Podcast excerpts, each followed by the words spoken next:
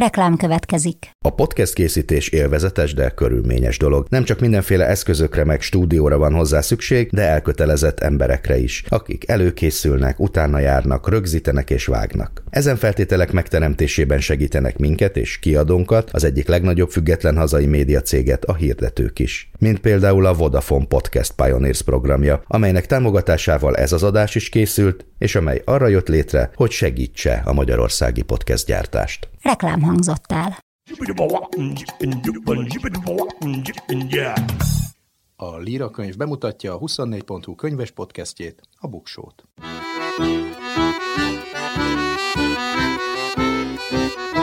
Ez itt a Buksó, olvasásról, könyvekről, mindenféle jóról. Én Nyári Krisztián vagyok.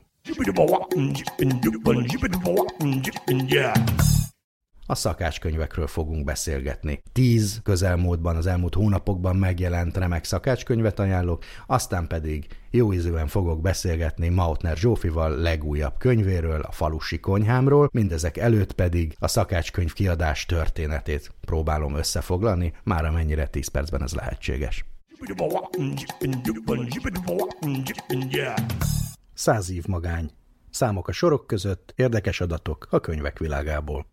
A szakácskönyv műfaja majdnem egyidős a könyv műfajával. Fennmaradt három akkát tábla az ókori mezopotámiából, amelyek időszámításunk előtt 1700 körül származnak, és itt már recepteket, vagy ezeknek töredékeit is olvashatjuk. Aztán az ógörög Archestratos költő és gasztronómus időszámításunk előtt 330 körül írt egy költői szakácskönyvet, amelyben hangsúlyozza a friss és jó minőségű alapanyagok használatának fontosságát. A legkorábbi ismert szakácskönyvet a római Apicius Plusz, híres római Ínyenc írta, de Ré Kokinária a főzésről címmel. Ez a kézirat feltehetően a negyedik vagy ötödik századból származik, de valószínűleg már korábbi receptek is vannak benne. A középkorban a szakácskönyvek kézzel írott kéziratok formájában jelentek meg. Ezeket gyakran kolostorokban élő szerzetesek készítették, akik aprólékosan lejegyezték receptjeiket és kulináris ismereteiket. Ahogy nőtt az írástudás, úgy terjedtek el a kézzel írott szakácskönyvek az elit és azok körében, akik megengedhették maguknak ezt a luxust. Az első nyomtatott szakácskönyv Bartolomeus Platina, de Honeste Voluptate et Valetudine című könyve volt, hát a helyes örömről, vagy a becsületes élvezetről és a jó egészségről a címe. Latin nyelven íródott tehát, és 1474-ben jelent meg, mindössze 19 évvel a Gutenberg Biblia után. Egyébként Bartolomeu Platina reneszánsz receptjei az első nyomtatott szakácskönyv címmel pár éve magyarul is megjelent Darida Benedek fordításában. Magyarországon már a 14. századból is ismerünk töredékes gasztrofeljegyzéseket, például a hústörtelékes magyar torta receptjét, bármi is lehetett az. Aztán a 16. században született meg az első igazi szakácskönyv, melyet Szakács Tudományok címen állított össze az erdélyi fejedelem udvari főszakácsmestere, és rögtön 792 recepttel gazdagította a magyar konyhaművészetet. A könyv egy főúri udvar konyhájának minden napjaiba enged bepillantást, nem tudjuk, hogy a köznép mit evett ekkoriban. A következő évszázadban, egészen pontosan 1695-ben íródott a Szakácsmesterségnek könyvecskéje című munka, amely hivatalosan az Európa szerte ismert erdély nyomdász Misztót falusi Kismiklós neve alatt jelent meg, de a könyvet valószínűleg a Csíksomjói Ferences Kolostor szakácsa írhatta, Misztót falusi csak lektorálta, esetleg kiegészítette a szöveget. Ez lett tehát az első magyar nyelvű nyomtatott szakácskönyv, mivel az előbb említett szakástudományok csak jóval a születése után 1893 2003-ban jelent megnyomtatott formában. Misztót falusi könyve már jóval nagyobb hatással volt a magyar konyhára, jól mutatja ezt, hogy az 1700-as években összesen 12 új kiadást élt meg. A népszerűség másik oka az lehet, hogy ez már nem csak a főúri berkekben terjedt el, a szerző kimondottan a becsületes közrendeknek, azaz a kevéssé jómódú embereknek szánta. A felvilágosodás korában egész Európában megváltozott az ételek és a főzés megítélése. A szakácskönyvek gyakorlati kézikönyvekből a gasztronómia, kulturális és filozófiai aspektus aspektusait feltáró irodalmi művekké váltak. Ennek talán legismertebb vagy legfigyelemre méltóbb példája Jean-Antel Briand-Savarin La Physiologie de Goût, azaz az ízlés fiziológiája című 1825-ben megjelent műve, amely az étkezés pszichológiai, szociológiai, sőt filozófiai dimenzióival is foglalkozik. Ő mondta először, mondd meg, mit eszel, megmondom ki vagy, vagy ugyancsak ebben a korban született Alexandre Dumas szakácskönyve a konyhaszótár, ami nemrégiben Magyarországon is megjelent Szederkényi Olga fordításában. A, francia polgári konyha innentől kezdve az egész világon, de Európában mindenképpen első számú konyhának számít, így Magyarországon is. Aztán az ipari forradalom jelentős változásokat hozott a társadalomba, beleértve a főzési és étkezési szokásokat. Az urbanizáció növekedésével és a háztartási konyhák fejlődésével a szakácskönyvek egyre gyakorlatiasabbá és oktató jellegűvé váltak. Az olyan szerzők, mint Isabella Beaton Book of Household Management, azaz a háztartási management című könyve 1861-ből átfogó útmutatást nyújtotta a viktoriánus háztartás vezetéséhez, a főzéstől a cselédek irányításáig mindent felölelt. Ebben az időszakban kezdtek el megjelenni azok a szakmai szakácskönyvek, amelyek már direkt szakácsoknak szóltak, dolgozó szakácsok használatára tervezték őket, vagy szakácsiskolák tankönyveiként. Az ilyen könyvek nem csak receptekkel vagy technológiákkal foglalkoztak, hanem gyakran a kiszolgálással vagy a konyhai munkafolyamatokkal kapcsolatos kérdésekkel. Sok ilyen könyv az otthoni szakácskönyveknél lényegesebben nagyobb mennyiségekkel foglalkozik, például literenként a szószokat tárgyalja, és hát nagy számú ember számára készített ételek vendéglátóipari környezetben történő elkészítése van ezekben a könyvekben. Ennek klasszikusa August Escoffier által kiadott Le Guide Culinaire, vagyis a kulináris kalauz, esetleg az angol nyelven megjelent Culinary Institute of America által kiadott The Professional Chef című könyv, vagy aztán a 20. század elejéről a klasszikus Larus Gastronomic, azaz a Larusnak a gasztronómiai szótára. A 20. század a híres séfek felemelkedésének időszaka volt, megjelentek a híres sztár szakácsok, akik átalakították a szakácskönyvek világát. Az egyik legkelendőbb szakácskönyvet Irma S. Rombauer The Joy of Cooking címmel írta, azaz a Főzés öröme címmel. Ez először 1931-ben jelent meg, és rengeteg kiadás megélt, és azóta is sok konyhának az alapdarabja. Ma is ez vezeti a bestseller listát az Amazonon, megnéztem, akár csak Magyarországon, Horváth Ilona, F. Nagy Angéla vagy Lajos Mari máig tartó sikerére érdemes gondolni. Aztán megjelentek azok a fajta szakácsok, akik már úgy viselkedtek, lettek, mint a celebek a moziban, olyan, ahol már nem csak a recept, hanem a szakács személyisége is számít. Az ő ős típusú Julia Child, aki a francia konyha művészetének elsajátítása című könyvével megismertette az amerikai és angol száz olvasókat a nemzetközi konyhákkal. Ez a legtöbbet fordított szakácskönyv ma is a világon. Arról híres, hogy a francia konyhát az egyébként nem a különleges ízéről híres angol konyhában is általánossá tetten, rendkívül sok nyelvre fordították le, nemrégiben magyarul is megjelent jelent. A szakácskönyvek vizuális aspektusa is egyre fontosabbá vált a 20. században, a színes fényképek, illusztrációk jellemzik ezt az időszakot. Mostanában pedig a nemzetközi szakácskönyv kiadási iparágban egyre népszerűbbek a nemzetiségi vagy regionális konyhák receptjei, amit a szakácskönyv szerző személyisége is alátámaszthat, tehát olaszos szakács, olasz szakácskönyvet ad ki, franciás szakácsnő pedig franciást, és fontos, hogy mit gondolnak a világról. Egyre nagyobb hangsúlyt kap az egészségtudatos és fenntartható főzés is, legújabban különösen a az északi konyha válik egyre népszerűvé természetesen az örökké népszerű mediterrán mellett, és a friss és szezonális alapanyagok kultusza is elindult. Egyre nagyobb teret hódítanak a tápláló recepteket, növényi alapú étrendet és a fenntartható főzési gyakorlatokat kiemelő szakácskönyvek. A szakácskönyvek globális piaca a becslések szerint ma több milliárd dollárra tehető. Nyilvánvalóan az első nagy lendületét ennek a televízió adta, megjelentek azok a főző és sütő műsorok, amelyeknek a népszerűsége sok embert tett amatőr szakácsá. A legtöbbet kereső szakácskönyv szerző például azóta is világrekorder Ina Garten, aki több millió példányt adott el szakácskönyveiből a Barfood Contessa egy amerikai főzőműsor volt, amelyet 2002. novemberétől 2021-ig sugároztak a Food Network műsorán, és jelenleg ez a legrégebbi műsor, ami, ami azóta is néznek, és a híres séf Ina Garten volt a házigazdája, és lekörözött eladásokban olyan sztárokat, mint Nigel Lawson vagy Jamie Oliver is, vagy gondoljunk az ő mintájuk alapján a magyar Stály Juditra. Aztán a második ilyen nagy hullámot a blogok indították el. A szakácskönyvek eladásának növekedése egy, egy időben történt az első ételblogok megjelenésével, robbanásszerű online forradalmával. A Publishers Weekly című szakfolyarat 2018-ban arról számolt be, hogy a szakácskönyvek eladásai több mint 25%-kal nőttek az előző évhez képest, és ezt a blogoknak tulajdonította. Innen indult el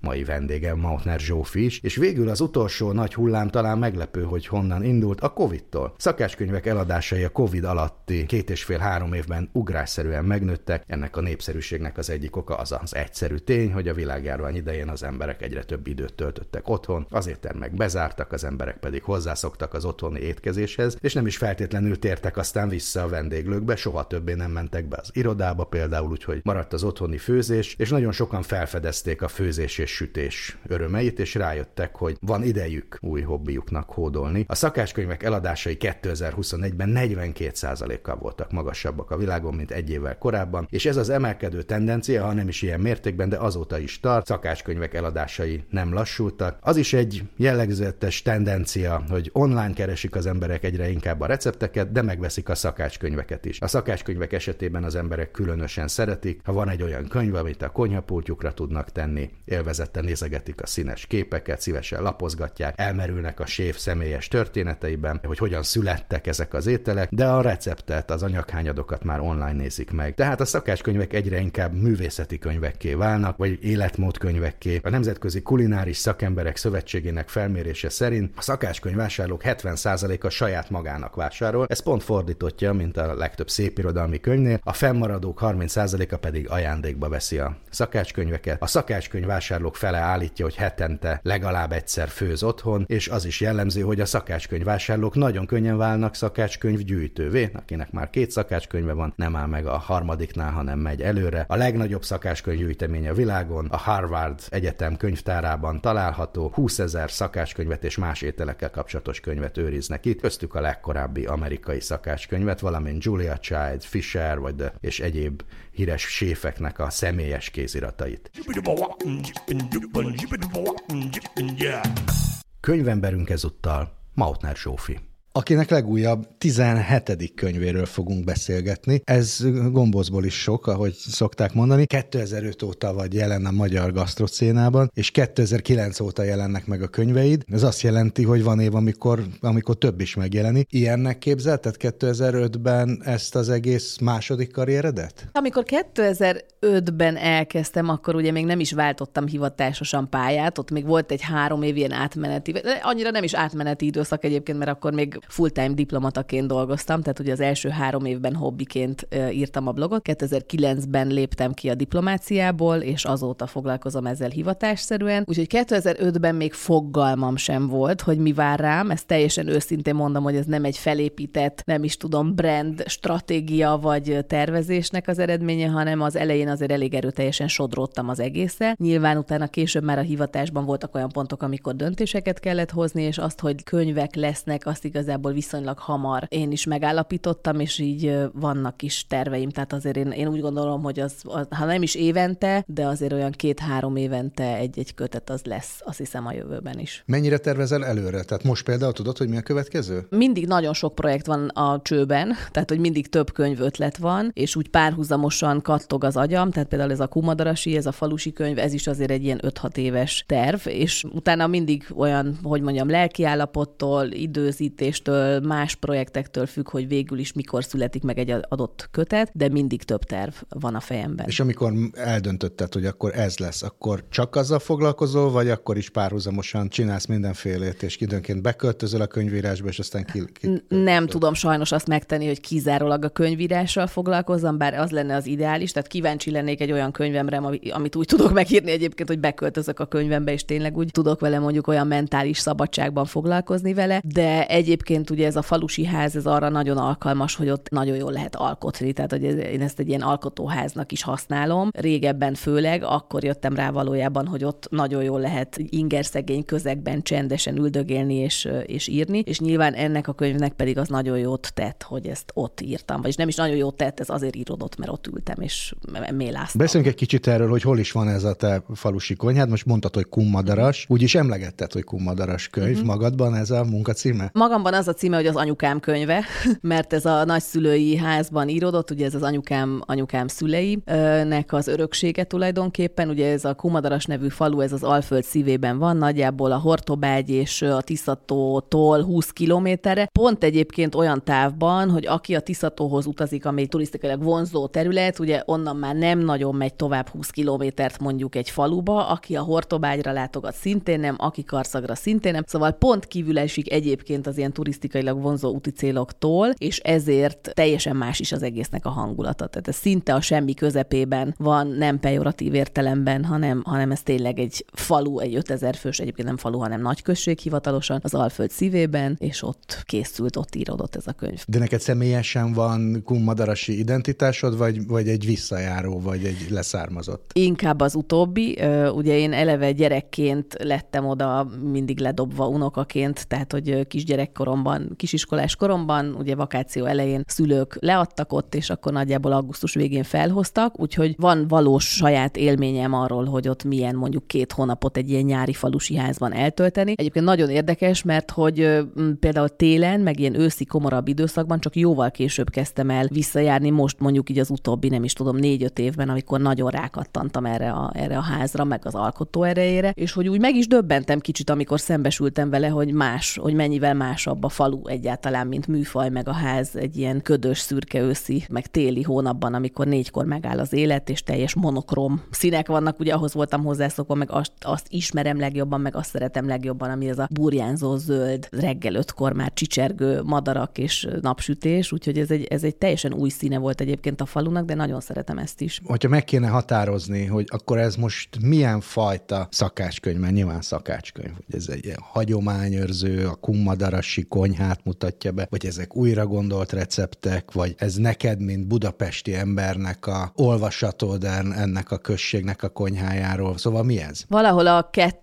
kettő, vagy a több-többnek az ötvözete, tehát talán ez a budapesti visszajáró és a falusi identitással rendelkező szerzőnek a vegyes felvágottja, vagy nem is tudom ennek az ötvözete. Nem hagyományőrző könyv, tehát ez a könyv nem arról szól, hogy én ott felkutattam a régi nagykunsági recepteket, és akkor ezeket vagy klasszikus formában elkészítettem, vagy újra gondoltam, hanem igazából arról szól, hogy én, ahogy járok ebbe a falusi házba, tehát hogy mondjuk havonta egyszer egy hétvégét, vagy nyáron kicsi gyakrabban, de hogy egy-egy napokra, vagy egy-egy hétvégére lemegyek, akkor ott hogyan főzök. Ez részben ugye sok mindenkinek van ilyen mondjuk nagyszülői öröksége, de ugyanígy, ahogy mondjuk ti Balatonra jártok, vagy nagyon sokan a Káli medencébe jártok, azt te is tudod, hogy ott egy másfajta főzés van, mint egyébként a városi pörgős életben. Az is egyfajta falusi főzés, mert másfajta alapanyagokból gazdálkodsz, más a, nem is tudom, az eszköztárad, más a hely szelleme, tehát általában nem is kapsz kedvet ahhoz, hogy mondjuk, nem tudom, ázsiai csípős tésztákat készítsél egy ilyen közegben, tehát én is is egyébként itt Budapesten egy pörgős kozmopolita életet élek, imádom ezeket a nemzetközi konyhákat, ezeket főzöm is, meg nagyon szeretek ilyen helyekre is járni, de valahogy amikor ott a házban megérkezem, akkor ez mondhatni, hogy szinte teljesen megszűnik, és ott teljesen azokat az ételeket szeretem enni is, meg főzni is, amik úgy kapcsolódnak valahogy ahhoz a verandához, meg a helyszelleméhez, meg az egyáltalán a tájhoz. De azért ebben benne vannak azok a gyerekkori ízek, vagy ízemlékek, amik számodra kummadaras. Természetesen, ugye a könyvnek a legelső receptje receptje, nem is receptje, hanem tulajdonképpen meg az előszónak a része a csirkepörkölt. Igen, erről akartam is beszélni, igen. hogy ez mint egy hőskölteménynél. ez, a, igen, ez, a, ez ki is lett emelve tulajdonképpen, ének. ez ne, nem is a tartalomjegyzéknek, tartalomjegyzéken kívül van, ugye ez recept, receptek előtt van, és csirkepörköltet nyilvánvalóan mindenki tud főzni, tehát egyébként egy szakácskönyve csirkepörköltet nem feltétlenül tennék be, de itt ebben a házban annyira fontos, ikonikus szerepe van ennek, mert az anyukámnak egyrészt ez a kedvenc étele, másrészt az anyukám, aki 14 éves korában került el ebből a házból, ő Szolnokra ment, Szolnokon tanult, és mindig elmeséli nekem, hogy ő 14 éves korában elkerült, és utána egyébként minden egyes hétvégén, amikor hazament a szülői házba, akkor az anyukája a frissen vágott csirkéből készített csirkepörköltel várta, és hogy ennek megvolt a rituáléja, megvolt a saját edényzete, a brossza, hogy mind tálalták, és hogy vagy uborka salátával, vagy barackbefőttel lehetett kérni, és hogy ez mindig, minden egyes hétvégén így volt tálalva, és hogy egy egyetlen egyszer volt rá példa, hogy nem csirkepörköltel várták otthon, és akkor az egy ilyen traumatikus élmény lett, és ez a, ez a csirkepörkölt ö, tradíció, ez öröklődik is, tehát hogy most már én, amikor meghalt a nagymamám, akkor a nagypapám, aki egyébként egész jól főzött, meg teljesen jól belejött, és akkor ő várt bennünket mindig csirkepörköltel, és amikor már ő sem lett, akkor pedig én átálltam arra, hogy amikor megyünk, vagy amikor én vagyok lent, akkor én várom az anyukámat a csirkepörköltel, tehát hogy ez igazából tényleg így az előszónak a része is nem is pusztán csak egy recept. Kumadaras egyébként már kívül esik a, a birka pörkölt szívcsakrából, ugye közel Nem. van meg, meg Nagyon közel van, újság. igen, igen, igen. Nem, ott abszolút ott is karcagi, tehát ott is bo- birkapörköltet főznek ugyanezzel a karcagi módszerrel, ami ugye az, hogy szöröstül, bördös, birka. szöröstül, böröstül, mindenestül, fejestül, ugye belsőségek, minden belekerül, ugye nagy bográcsban, és ennek nagyon nagy hagyománya van, és szeretik. De ez nincsen benne. Nem, azért a, a, arra nem vettem a bátorságot, hogy birkapörkölt receptet ö, tegyek bele, és Azt írod egyébként, hogy, és ez kicsit kapcsolódik ehhez, hogy ehhez nem vetted a bátorságot, hogy bizonyos receptekkel szándékosan nem nyúltál, és nem azért, mert nem illik, hanem mert tökéletesek. Melyek ezek is, amelyek benne vannak a A csirkepörkölt, az abszolút ilyen. A Ferdinand, ugye a csirkepörköltel indul a könyv, és a Ferdinand a legutolsó búcsúzó receptje. verseskötetek ennyire megkomponált. Igen, hát ennek van azért dramaturgiája, igen, nem, nem véletlen ez a sorrend. Ugye a csirkepörkölt pont a, a, az ikonikus, szimbolikus jelentősége miatt, a Ferdinánd pedig azért, mert az volt a nagymamámnak a kedvence, meg az volt nekünk a, a kumadarasi sütemény. Ugye ez a Ferdinánd, hát ha még van olyan valaki, bár nem hiszem, mert már annyit, annyiszor meséltünk róla, ugye ez mondjuk leegyszerűsítve olyan, mint egy darásfészek, csak nem dióval készül, hanem egy ilyen cukros, vajas krémmel van megkenve, és ilyen tekercsekből áll össze, és ugye az benne a nagy truváj, hogy jó szottyosra ugye ez belesül, meg karamellizálódik a széle, és akkor nekem is a nagymamám ezt azért nem egy nagy tepsiben sütötte, hanem sok pici jénaiban, mert hogy mindenki ezt a karamellizált szélét szereti a legjobban, és ugye, hogyha egy nagy tepsi van, akkor sokkal kevesebb, mert csak a széle karamellizál. Tehát sok kicsi edényben kellett sütni, hogy mindenkinek jusson ebből, és, és ez egy nagyon fontos, ez egy tradicionális nagykunsági sütemény egyébként, tehát hogy ott minden születésnapon, lakodalomkor, esküvőn, temetésen Ferdinándot sütnek, úgyhogy ennek is nagyon fontos szerepe és jelentősége van. Ráadásul ugye az elmúlt években némileg az én mondjuk támogatásommal, vagy, vagy bátorításommal a saját szomszédasszonyom nyitott egy bisztrót, aminek az a neve, hogy Ferdinánd bisztró, és ez a sütemény az ikonikus névadó süteménye, és ez is egy igazi sikersztori. Szóval mégiscsak érdemes kumadarasra menni. Hát abszolút, figyelj, oda már Budapestről ez egy destinációs hely lett egyébként a Ferdinánd és hogy nem csak a recepttel zárul egyébként, hanem a szomszédasszonyomnak ezt a kis bisztróját is bemutatom, az a legutolsó fejezete egyébként a könyvnek, és azért, mert úgy gondolom, hogy én a magam részéről ezzel a könyvvel ezt a kumadarasi nagykunsági kulinárius örökséget kiírtam magamból és megénekeltem, és ezzel a könyvvel átadom a szomszédasszonyomnak a stafétabotot, hogy innentől kezdve ő vigye tovább majd ennek a kulináris örökségnek a hírét. De ebben vannak receptek, faximilében lefotózott receptek, régi családi receptekből. Te hogy vagy ezekkel a régi receptekkel, hogy ezeket mint családi emlék elteszed, vagy használod is, vagy felhasználod, újra gondolod, és mik azok az ételek, amik el, ilyen családi vonalról kerültek uh-huh. ebbe a könyvbe? Van benne abszolút olyan, ami nagymamámnak a receptje, viszont az nagyon vicces módon nem egy ilyen kockás, sárguló papírról került elő, hanem képzeld el, hogy egy egérke nevű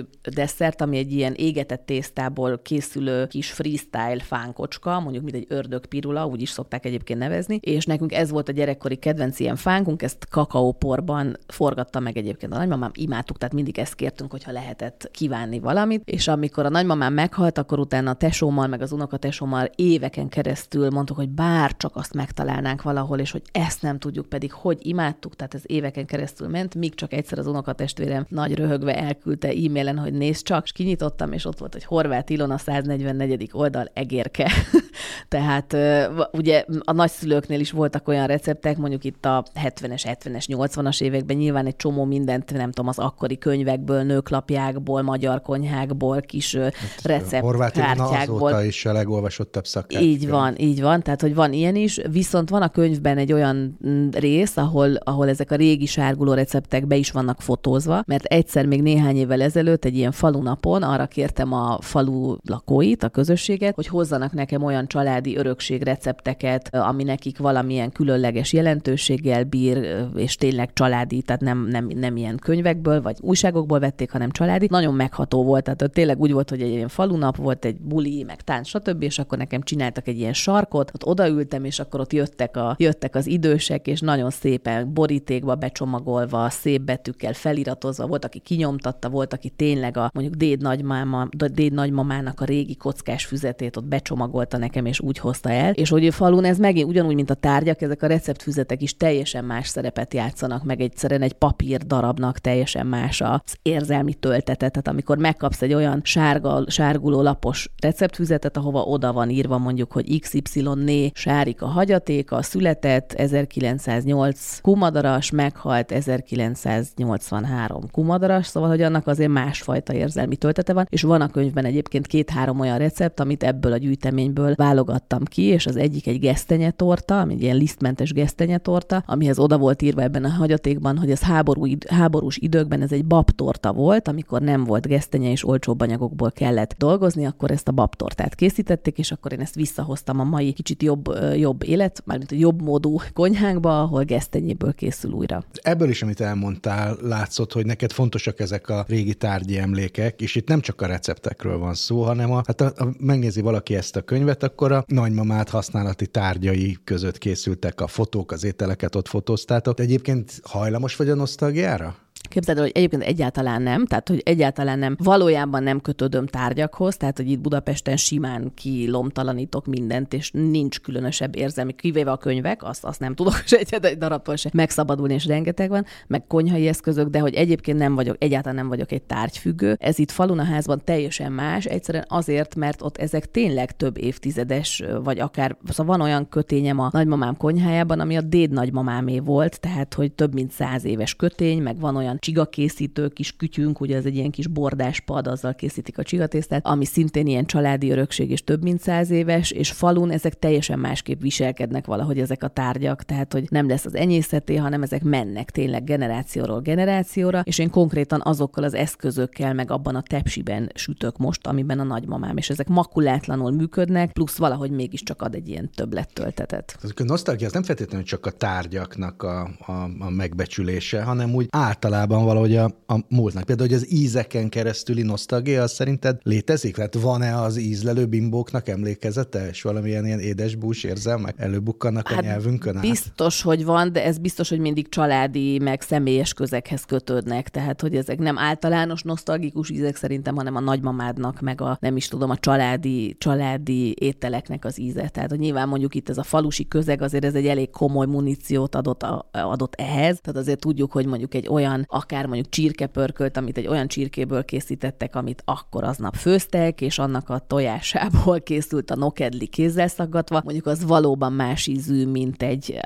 mint egy olyan csirkepörkölt, amit megfőzöl mondjuk egy ilyen átlaghentes választékból, vagy, vagy átlag alapanyagokból. És van olyan, persze van mondjuk a húsleves, ami nekem az, az, az nekem az ilyen érzelmi ételem, és azért, mert az tényleg olyan, hogy arra az, az abszolút, hogyha behunyom a szememet, akkor ott van a veranda nagy asztala körül az a minden mindenki, aki ott ült húslevesezni, és ez nagyon érdekes. Nosztalgia, amit most ez már nosztalgia, igen, és egyébként nagyon érdekes, mert hogy amikor a könyvfőz van egy ilyen nagy húslevesezős fejezet, egy csomó ilyen mártással, amiket én nagyon szeretek, meg ami már kicsit azért olyan retro vagy old school, kevesen főzik ezeket a főtt hús mellé tálalt mártásokat, és akkor ott berendeztük, ugye én voltam a food stylist is, egyébként most nem volt külön kellékes, és berendeztem az asztalt, és utána másnap vettem észre, és mondtam a fotósnak, hogy Áron, nézd meg, hogy megtaláltam egyébként a falon egy fotót, és hogy szó szerint ugyanúgy rendeztem be a húsleveses asztalt, ugyanazokkal az edényekkel, ugyanazzal az abrosszal, mint ahogy nem tudom, 40 évvel ezelőtt egy ilyen családi fotón. És ez abszolút tudatalatti, tehát ez nyilván olyan intenzíven eszi bele magát az ember, nem is tudom, emlékezetébe, szívébe, meg ízlelő bimbóiba, hogy itt akkor megnyomsz egy pontot, egy kanál levessel, ezt mind elő lehet hozni. Van egy dolog, ami biztos nem visszahozható, vagy inkább kérdezem, hogy visszahozható. Írsz arról, hogy hogy önfenntartó volt ez a falusi uh-huh. konyha, és hogy ez milyen jó dolog. Ez visszajöhet még, hogy önfenntartó? Hát ettől nagyon messze, ettől szerintem Mint nagyon messze vagyunk. Menni. Igen, igen. Jön ebből is nagyon sok minden. Nyilván azért most egy sokkal tudatosabb generáció nő föl, akik közül sokan úgy is döntenek, azért van számtalan példa arra, hogy visszamennek, tanyára költöznek, tehát ezt a fajta életmódot megpróbálják valahogy gyakorolni, akár falun, akár amennyire lehet mondjuk egy városi közegben. Nyilván az nem életszerű, tehát az, ami, ami akkor a nagyszüleink vagy a dédszüleink korában volt, akkor nem jártak közérpe konkrétan, ugye, tehát minden, minden nagyjából otthon meg volt, boltból, nem tudom, cukrot kellett talán megvenni. Egyébként nekem van is egy olyan karácsonyi emlékem, egyszer a nagypapám ilyen 7-8-10 év körül lehettem, meg a többiek is, és egy ilyen karácsonyi este után kihívott bennünket, és azt mondta, hogy ezen a nagy veranda asztalon, amin fotóztunk is, meg a, meg a szép posztott ablakok vannak, erről sokat, sokat posztolok, és hogy ott egy ilyen roskadozó terüly-terüly asztalkámat megterített, és kivitt bennünket, ugye hárman voltunk unokák, és azt mondta, hogy ezen az asztalon minden, ami itt látható, mindent saját magam termeltem, mindent. És ez egy tényleg egy ilyen igazi lakoma roskadozó asztal volt, befőttekkel, nem tudom, sültekkel, süteményekkel, mindenfélevel. És az volt a feladat, hogy aki kitalálja, hogy mi az az egyetlen alapanyag, ami boltból származik, és amit nem ő termelt, akkor az mit tudom én, zseppénzt kap, vagy nem tudom, volt valamilyen ilyen cukor, motiváló nem? dolog. Egyébként persze azért több nem csak egy volt, de hát ott napokon keresztül akkor az egy feladat volt. A cukor volt az egyik, a só volt a második, és az ecet egyébként a harmadik. És minden más az abszolút háztáji termelésből érkezett. Úgy is mondták azóta megkülönböztető jegye, hogy valami, hogy bolti. Igen, igen, pontosan. És igen. az összes többiről lehetett tudni, tehát akkor ház, van, házi igen, és, igen. és nem bolti. Ugye engem nagyon érdekel ez a, a, a hagyomány, meg az újraéledés, meg a, meg a újra gondolás, ez a mhm. gasztronómiában különösen divatos kifejezésnek a, a viszonya. Tehát ebben azért vannak olyan receptek, amik valószínűleg 40 évvel ezelőtt a nagyszüleit háztartásában nem kerültek a asztalra, hogy nem tudom, valószínűleg nem díszítették virággal a kecske sajtkrémet. Egész biztos, hogy nem vagy, díszítették. Meg, eh, tavaszi zöld fűszerkrémleves sem biztos, hogy volt. Ezek ugye mégis valahogy autentikusak, mert azokból a ott elérhető alapanyagokból készíted. Neked mennyire fontos a, a, az újítás, vagy mennyire engedsz el valamit, ami, aminek pusztán csak annyi az értéke, hogy régi? Uh-huh. Én semmit nem szeretek, ami öncélú, tehát a gasztronómiában, meg adott esetben akár egy éttermi ételnél, akár egy ilyen falusi konyhai receptgyűjteménynél semmi nem lehet öncélú, akkor, akkor nem áll hozzám közel. De például mondjuk jó, hogy pont ezt a kecske sajtot említett, hogy ez gyakorlatilag egy kecske sajt henger, ami virágba van, ugye virágba borult, igen, virágba van görgetve, és ettől nagyon látványos. És egyébként úgy néz ki, mint egy legtrendibb ilyen hipster kecske sajt, hiszen ez a virággal való díszítés, ez, ez, ez, ez egy mostani dolog. Ugyanakkor itt pont az volt a célom. Egyrészt a kecske sajt, ugye régen az Alföldön nagyon fontos volt, hát mindenhol kecske volt, ugye azt, az, az, főleg ezen a szikes talajon, ugye a kecske sokkal inkább honos volt, és kecske, kecske tejből, meg kecske sajtból készítettek nagyon sok mindent, tehát hogy ennek volt az Alföldön nagyon komoly múltja és hagyománya. Egy. Kettő, a kecske sajt szuper egészséges, mert ugye sokkal kevesebb benne a laktóz molekula, mint a sima tejben, tehát aki egyébként laktóz érzékeny, az is sokkal inkább fogyaszthatja. Tehát, hogy ez is abszolút egy mai korszellemnek megfelelő dolog. Három, a virág, amivel egyébként engem nagyon sok helyzetben ki lehet borítani, hogyha túlságosan sok virág van egy ételen, de hogy itt meg az van, hogy egyébként a konyhakertekben, meg a falusi kertekben egy csomó olyan ehető növény van, amit nem használnak, akár ugye pont ezen a, pont ezen a kecskesajton körömvirág, büdöske, árvácska, tehát ezek ott vannak a kertekben, és végül is miért ne lehetne egyébként ennyire egy picikét feldobni mondjuk akár esztétikailag, akár ráadásul ezeknek azért íze is van ezeknek a virágszirmoknak, hogy tulajdonképpen ugye a meglévő hagyományos dolgokból születik egy mai korszellemnek megfelelő nagyon esztétikus, szép fogás. Amire én rácsodálkoztam ebben a könyvben, az a kamilla. Mm. Eh, hogy Kedvenc ami azért a, a magyar, hogy mondjam, konyha kultúrában, sőt, úgy általában a magyar gondolkodásban az, az egy ilyen gyógy növény, te alapanyag, ilyesmit, te pedig egyértelműen élelmiszerként mm-hmm. használod. Ennek volt valami kumadarasi előzménye, vagy, vagy, vagy ez egyszerűen ez már te vagy? Ez az egyik kedvenc felfedezésem, és egy nagyon jó példa arra, hogy például egy ilyen nagykunsági falusi gasztronómia vagy, vagy gasztronómia, kulinária hogyan tud mondjuk megújulni, vagy ma relevánsá válni, és nem feltétlenül úgy, hogyha ezeket a régi falusi recepteket vesszük és felújítjuk, hanem úgy is, hogy egy kicsit körülnézzünk, hogy ott a környéken egyébként mi terem meg, és milyen olyan hozzávaló terem meg, amit nem használunk egyébként a hétköznapi konyhákban, és ebből ott a kunságban, a nagy kunságban is van számtalan, például a kisújszállási vadrizs, amiről nagyon sokan nem tudják, hogy az ott egyáltalán terem, és hogy a világon egyébként három helyen terem vadrizs, vagy indián rizsnek is szokták nevezni, Amerikában, Kanadában és kisújszálláson, és jellemzően, hogyha te veszel mondjuk egy bioboltban egy csomag vadrist, az elég esélyes, hogy az egy olyan vadrizs, amit kisújszállásról kiexportáltak, majd átcsomagoltak és visszahoztak ebbe a boltba, és szerintem ezt nagyon sokan nem tudják. Na de vissza a kamillához. Szóval a kamilla téma az meg úgy jött, hogy egyszer per milyen 5-6 évvel ezelőtt a házban üldögéltünk, és anyukám valahogy úgy by the way azt mondta, hogy ja, és emlékszik, hogy milyen jó volt az is, amikor itt a padláson szárították a kamillát szezonban, és hogy a akkor ennek ott mekkora nagy hagyománya volt, és hogy akkor jöttek a nagy cigány családok egyébként, akik a kamilla gyűjtésben jellemzően ö, otthonosan mozogtak, és hogy milyen érdekes volt ez a kamilla gerebje tárgy, és akkor egy kicsit elkezdtem utána kutatni, és hát a végén már a Kertészeti Egyetem Kamilla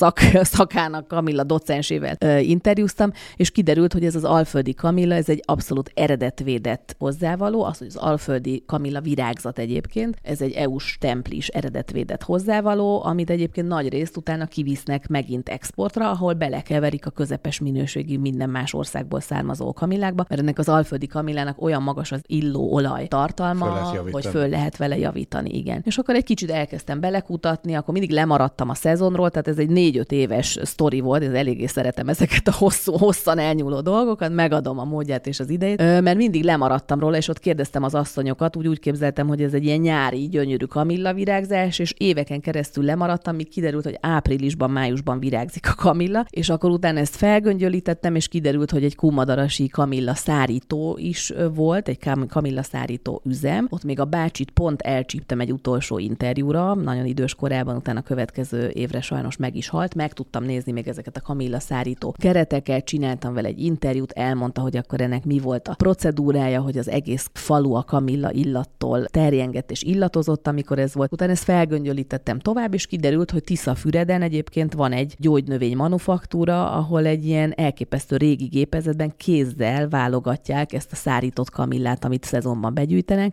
Elképesztő minőségű, tehát azóta már egyébként nagyon sok. De hogyan a kamillás piskóta?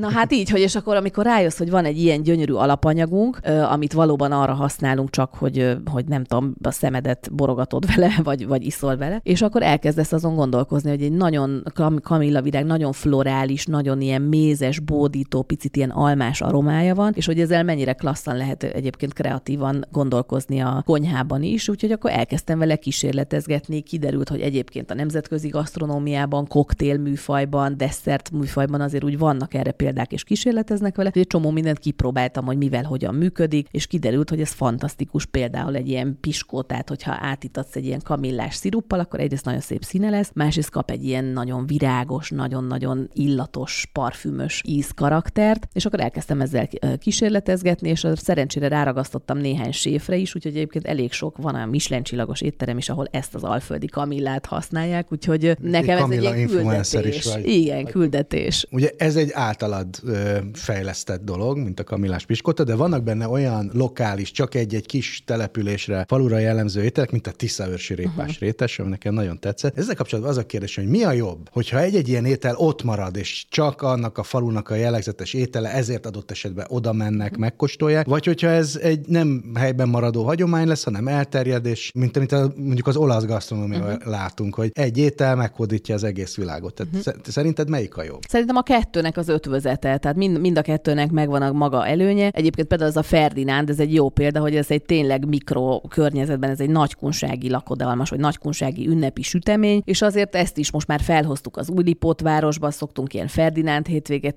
hétvégeket tartani, a budapesti közösség megőrül érte, és akkor tudod, elkezdik utána megpróbálják otthon megsütni, akkor más is kipróbálja, akkor vagy emiatt, vagy annyira finom, hogy emiatt egyébként tényleg el, elvándorol mondjuk Kumadarasra, vagy ezért akkor a Tiszató köré szervezi a következő, nem tudom, hosszú hétvégét azért, hogy utána akkor megnézhesse a Ferdinánd bistróban, tehát hogy szerintem a kettőnek valahogy az ötvözete, de az mindig jót tesz egyébként, hogyha kap egy nagyobb ismertséget egy ilyen hagyományos étel. Ja, mert ez már egy kicsit arról szól, hogy mennyire identitásteremtő a, a gasztronómia, akár egy lokális, akár pedig, hogy mondjam, nemzeti mértékben, hogy szerinted a nemzeti kultúrának a gasztronómia az olyan része, mint amit általában kulturális termékeknek nevezünk, hogy művészet? Hát, maximálisan természetesen, tehát hogy kétségem sincs a felől, hogy ez, ez pontosan így van, igen, ez nagyon fontos része, és mind magunk számára egyébként, tehát mint a saját identitásunk szempontjából, mint, mint mondjuk a, nem tudom, országimage szempontjából teljesen egyértelműen persze. És akkor mi kezdünk azzal, hogy, hogy amikor a szemünk láttára eltűnőben vannak ilyen hagyományok, akár az alapanyag is, vagy annak a, az újra gondolt verziója is, tehát hogy minthogyha a, a magyar gasztronómiában egy bizonyos szint, vagy pénztárca szint fölött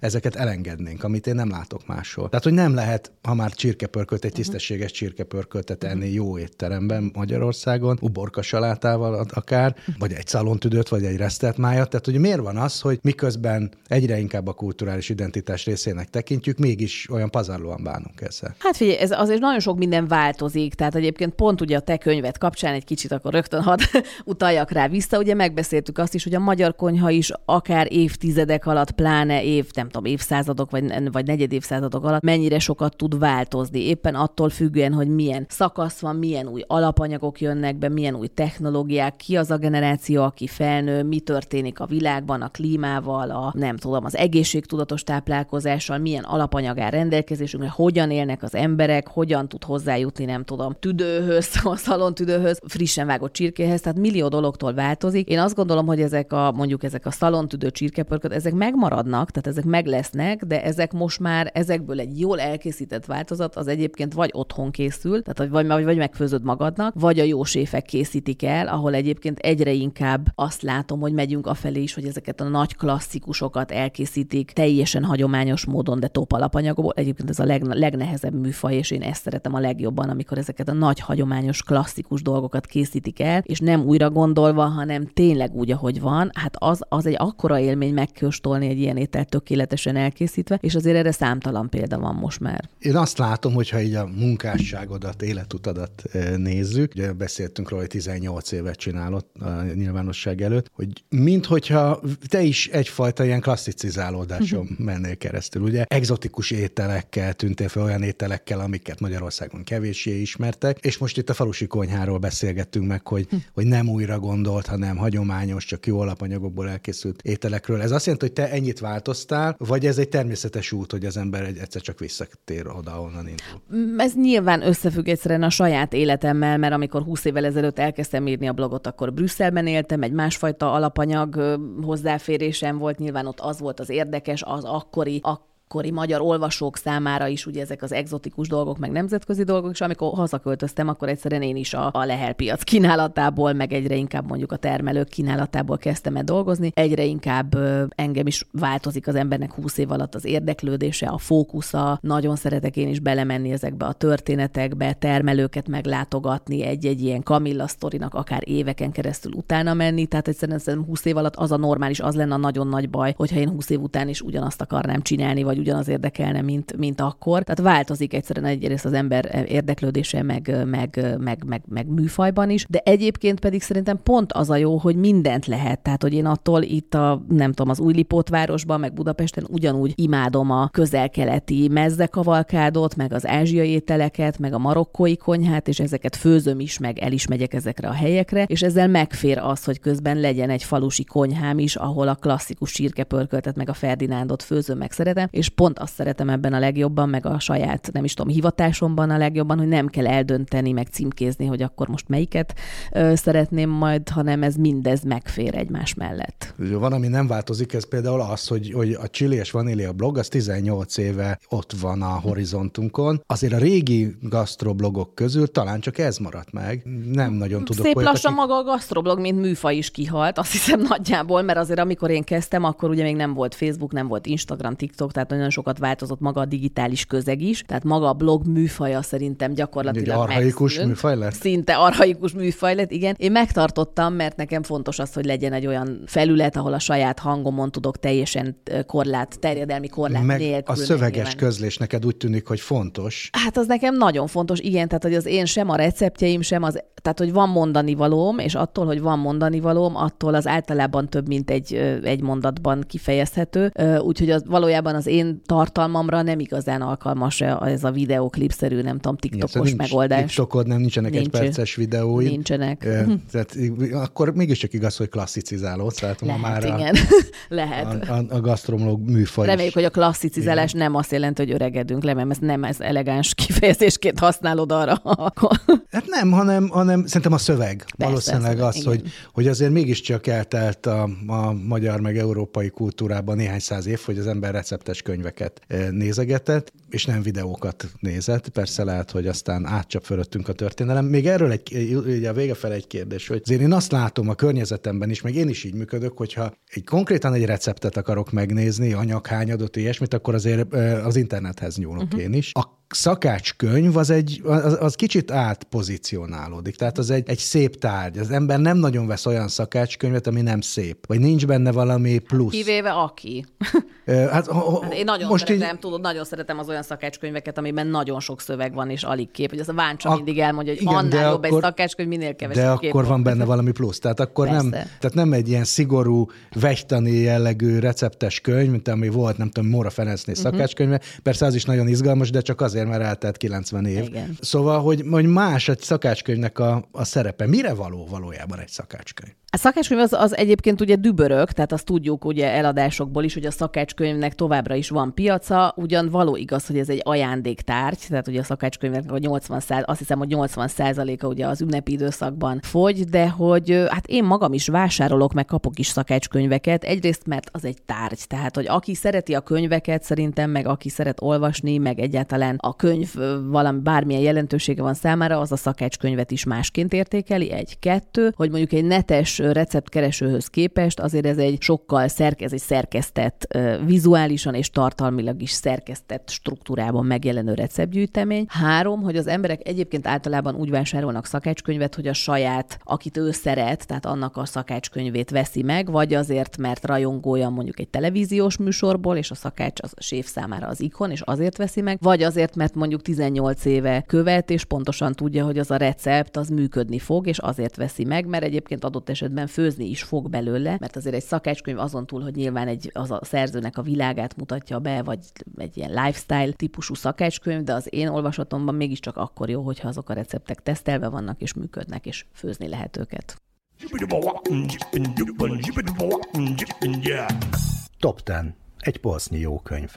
Tíz újonnan megjelent szakácskönyvet ajánlok az elmúlt hónapokban jöttek ki a nyomdából ezek. Nicolas Arno, Fabien Peyron, Christine Sigoy, a Hentes Mesterség nagykönyve az Alexandra adta ki. Ez a Hentes Mesterség nagykönyve egy nemzetközi könyv, Le Grand Livre de la eh, Charcuterie, nem csak hentes mestereknek vagy gasztronómiával foglalkozó szakmabelieknek született, hanem hétköznapi embereknek, hobbi szakácsoknak is. Több mint 70 pontos recepttel, ezek közül 30 alaprecepttel és átfogó technikai segédlettel megfűszerezve jelent meg ez a könyv. Modern, minőségi, ízléses és a hentes készítmények sokszínű világába kalauzolnak el minket számos kihagyhatatlan ötlettel. Julia Child, Simon Beck, Louisette Berthold, a francia konyha művészete, a HVG könyvek adta ki. Hát ez a klasszikus Julia Child, világszerte forradalmasította a főzéshez való viszonyunkat, maga Julia Childnak az egyénisége, közvetlen stílusa, humora is hozzá járult ehhez. Az első televíziós sztárszakács, a világhírű Párizsi Le Cordon Bleu Akadémián tanult, majd főzőiskolát nyitott, és ebben az időszakban írta meg első könyvét, ami nagyon hamar azonnal bestsellerré vált. Több mint 500 recept, 100 ábra és különböző alap technikák tartoznak ehhez a könyvhöz. James Hoffman, hogyan készítsünk tökéletes kávét otthon. Ezt is a HVG adta ki nemrégiben. Ez ma a világszerte az Amazonon is a, a number one kávékönyv. James Hoffman egy híres barista, barista világbajnok, akit a világ legjobb kávészakértőjének tartanak, és ebben a könyvben megosztja velünk a legjobb kávé elkészítésének titkait, a kávéfőzés alapjaitól, a különböző kávétípusokig. Például, hogy milyen szempontok alapján vásároljunk kávét, ezt is megtithatjuk, milyen az ideális szem szemcseméret a kedvenc kávénkhoz. Meli Martinez, Mexikó a konyhámban, a Kossuth kiadó adta ki. Több mint 80 receptet tartalmaz ez a könyv, és a mexikói háztartásokban minden nap fogyasztott hagyományos ételeket gyűjti össze. Mautner Zsófi, a falusi konyhám 21. század adta ki, és a szerzővel beszélgettem. Régi Szegedi konyha, Rézi néni és Móra Ferencné szakácskönyve, Csernaszabó András eszéivel, a kortárs kiadótól. Ugye ez a két híres szegedi szakácsnő a valódi 19. századi szegedi konyhát mutatja be. Rézi néni, azaz Dolecskó Terész főzőasszony, a piaristák szakácsnője volt, Móra Ferencné pedig Walleshausen Ilona, azaz Móra Ferenc felesége. Ők tényleg a magyar háztartásokban ez időtájt szokásos recepteket írták le, nem pedig külföldi szerzőknek a magyarra fordított művei, mint a legtöbb ekkoriban megjelent szakácskönyv, szóval tényleg alapszakácskönyvekről van szó. Manuela Rutter Krumpli a Centrál adta ki. Hát ebben az van, amit a címe ígér, rengeteg krumpli recept, klasszikusok, mint a pásztorpite, a krumpli leves, vagy akár a nyokki, de megismerhetünk igazi új, újító étel különlegességeket, mint például a burgonya kuglóf, bármit is jelentsen. Nekem van a családomban olyan ember, aki szerint a krumpli a világ legjobb étele, tulajdonképpen lehet, hogy valamennyire igaza is van. Shannon Sárna, Klasszikus és modern zsidó konyha Kossuth ki. Shannon Sárne régi terve volt elbeszélni a zsidó nép történetét az ételeken, a kulinárián, az étkezésen keresztül. Ez a könyv mint egy száz receptet és recept változatot mutat be, és egyben azt is megtudhatjuk, hogy hogyan formálódott a zsidó konyha a világ különféle tájain, Európában, a közel-keleten, Észak-Afrikában vagy Amerikában, olyan történelmi tényezők hatására is, mint a ki- és bevándorlás, a kultúrák és hagyományok keveredése. Szóval vannak itt saksukák, snitzelek, lakteszek és kuglik, mindenféle hagyományos és kevéssé hagyományos zsidó étel. Street Kitchen limennyi ázsiai kaják 93 kipróbált recept, és a Street Kitchen kiadó adta ki. Az ázsiai konyha Magyarországon is egyre nagyobb népszerűségnek örvend, és limennyi, ki itt él köztünk, imád főzni, de nem csak az ételek ízeit szeretné megismertetni a magyar közönséggel, hanem a dél-kelet-ázsiai kultúrát is. A Street Kitchen nagyon jó szakácskönyveket ad ki, és ebben a szakácskönyvben mennyi 93 receptet gyűjtött össze, melyek összesen 11 ázsiai országból származnak, és betekintés kap Punkt. A keleti gasztronómiába. Végezetül pedig Weibel Csaba a Séf, a Tenger és a Kolbász című könyvét ajánlom, alcíme Mediterrán receptek, tengeri kalandok Majorkáról. Weibel Csaba Séf hat évet töltött Majorkán, különös gasztronómiai utazás, tehát ez a könyv, vannak benne izgalmas élmények, történetek, és persze rengeteg recept Majorka szigetének élővilága mellett a hagyományos ételekkel is megismerkedünk, tehát ez egyszerre kulináris örökségkutatás és jó receptek gyűjteménye. Música